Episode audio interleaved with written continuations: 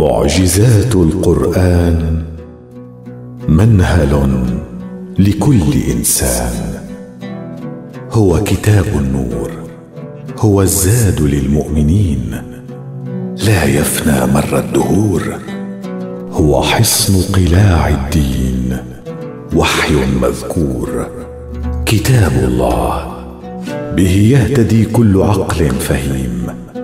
ويستنير كل قلب في سكينة الإيمان يقيم.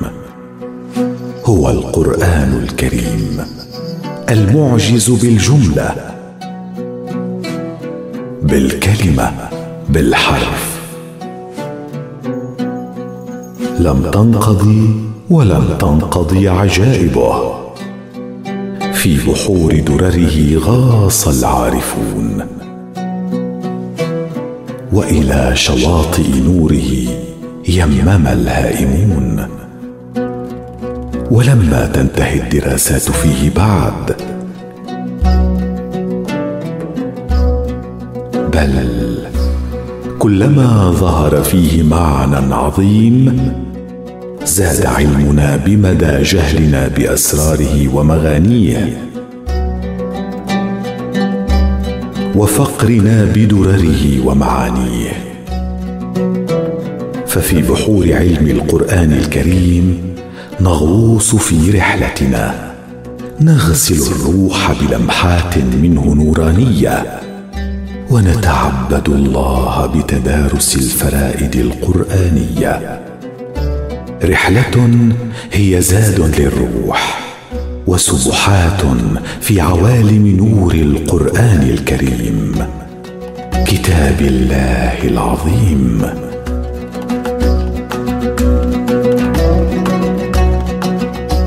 فريدة من القرآن ونصوع البلاغة والبيان. هي الكلمة هي المعجزة التي زود الله بها خير أنبيائه وأحبهم إليه. كان خليله فأعطاه دليله. الكلمة وأي كلمة؟ إن هي إلا كلمات الله أوحى بها إلى رسوله الكريم محمد صلى الله عليه وآله وصحبه وسلم. فأضاء الدنيا بالكلمة واستنقذ القلوب من الظلمات إلى النور بالكلمة. وغسل الأرواح في عوالم من عطر الإيمان المبخور بالكلمة. في الكلمة هامت أرواح ونفوس ونذرت قرائح عظيمة نالت عظمتها ببركة جهادها في حرم خدمة الكلمة التي أنزلها الله تعالى في سماه. على عبده محمد رسول الله. فألفت كتب عظيمة تتناول الكلمة وورودها في القرآن الكريم. ومعناها في سياق الآي العظيم وبلاغتها ومرادها في السياق القرآني. وذابت قرائح العلماء تستغيث المعنى من الرسم المصور وتستنجد بالله أن يقدر لها الفهم المقدر. فكيف نزلت الكلمة؟ فيما تكررت ها هنا وفيما ها هنا تفردت.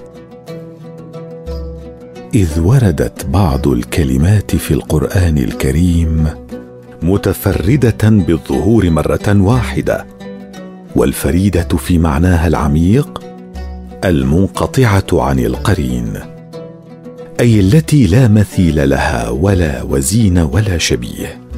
وليس تفرد هذه الكلمات في القرآن الكريم إلا لغاية عظيمة ومؤدى كريم.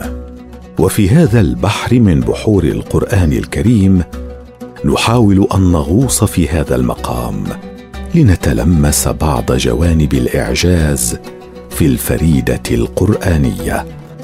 قال تعالى في سورة الشمس. بسم الله الرحمن الرحيم.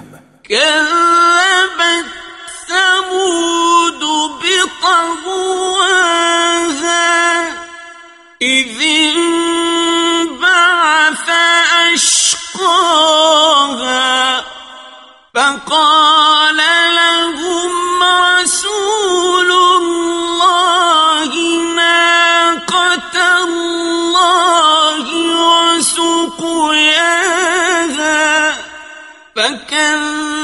فكذبوه فعقروها فدمدم عليهم ربهم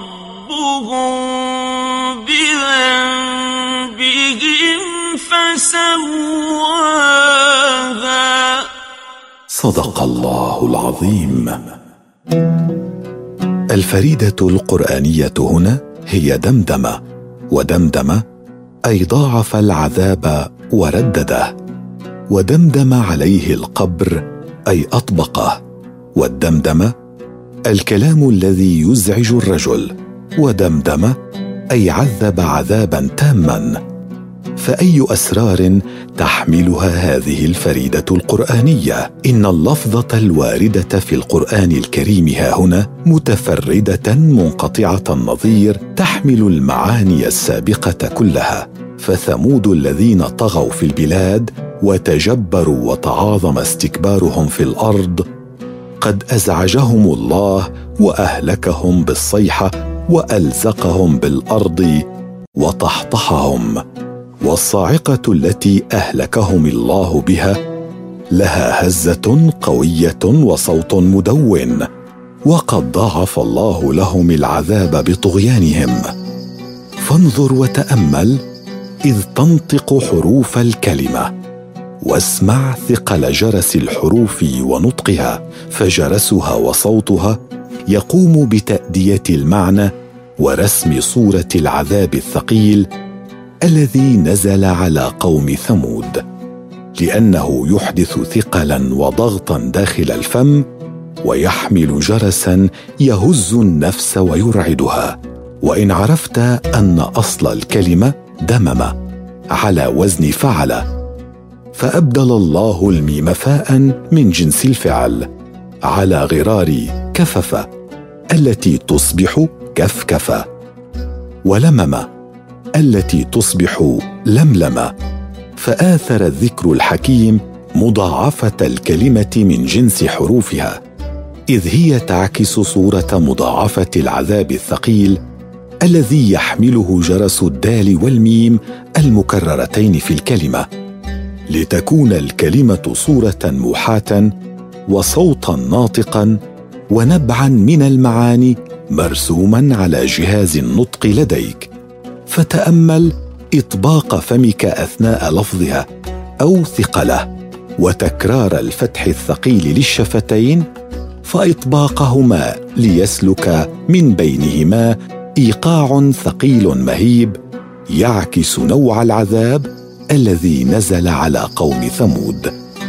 فسبحان من حمل الحروف ودائع المعاني فأدت رسالتها عابدة طيعة معجزات من الصورة في الآية والسورة.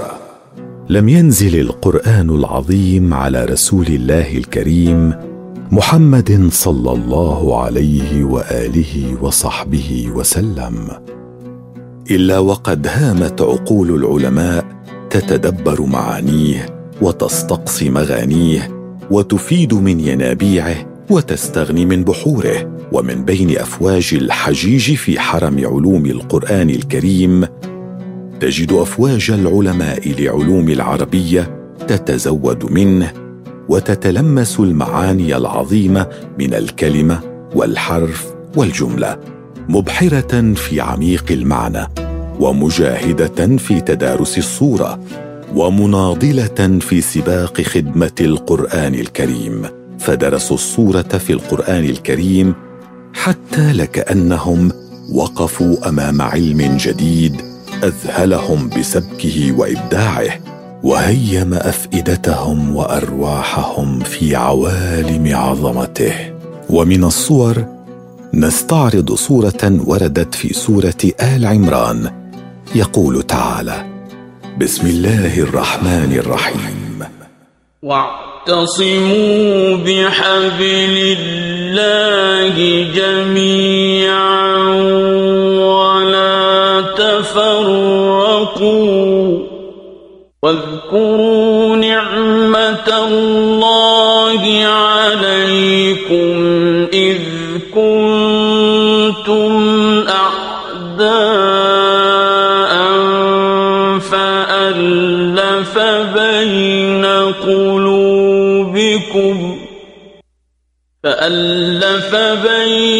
قلوبكم فأصبحتم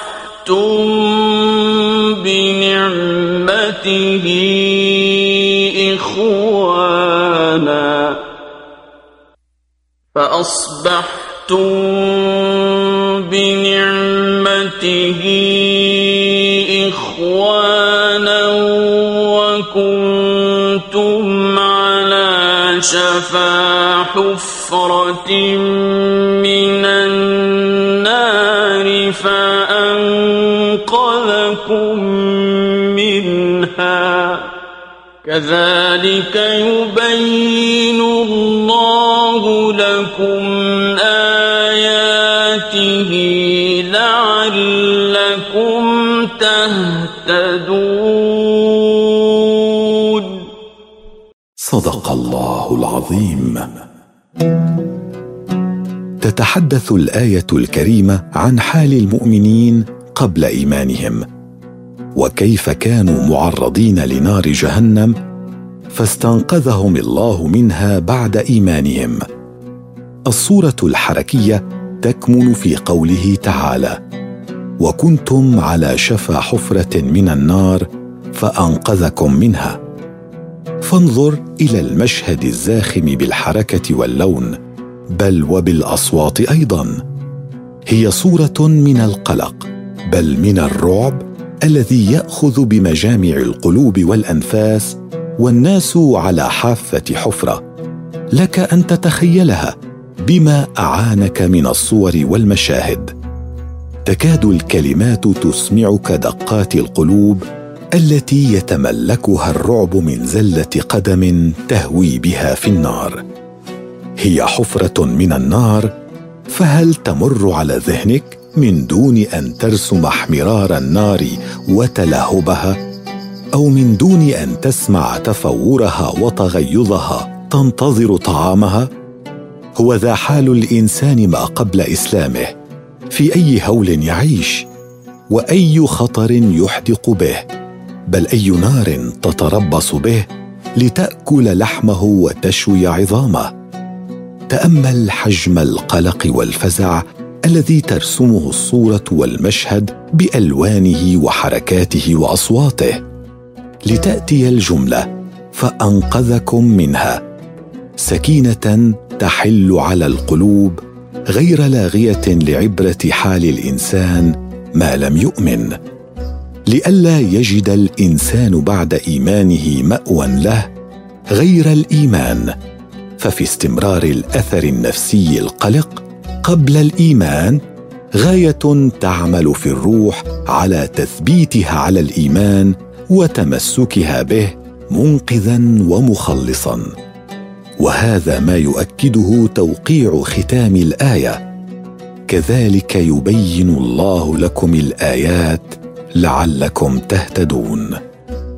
فانظر لو أن ريشة رسام ترسم المشهد على شفا حفرة من النار بالألوان الصاخبة بالحمرة المخيفة واستطاعت تصوير المشهد.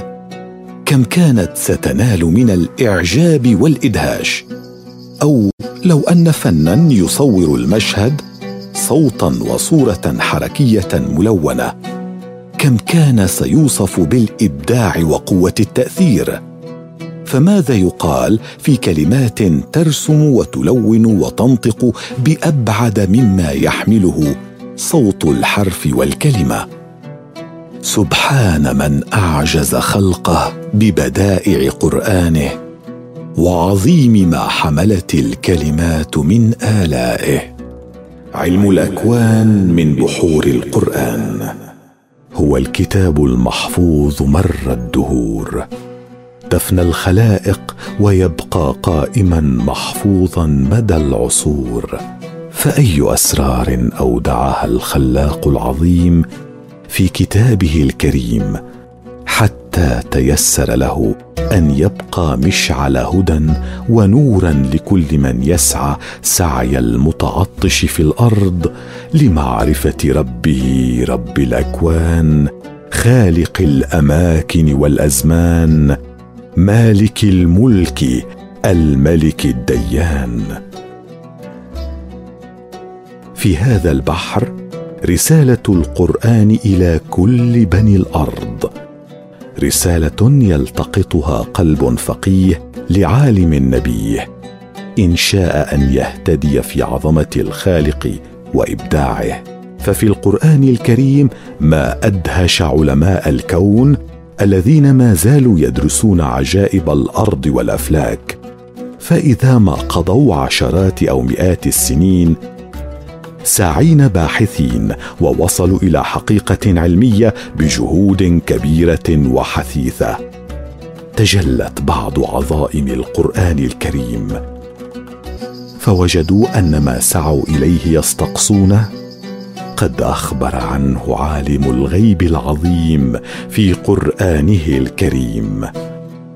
الجاذبية الأرضية. يقول الله عز وجل في محكم التنزيل. بسم الله الرحمن الرحيم. واذا الأرض مدت والقت ما فيها وتخلت صدق الله العظيم.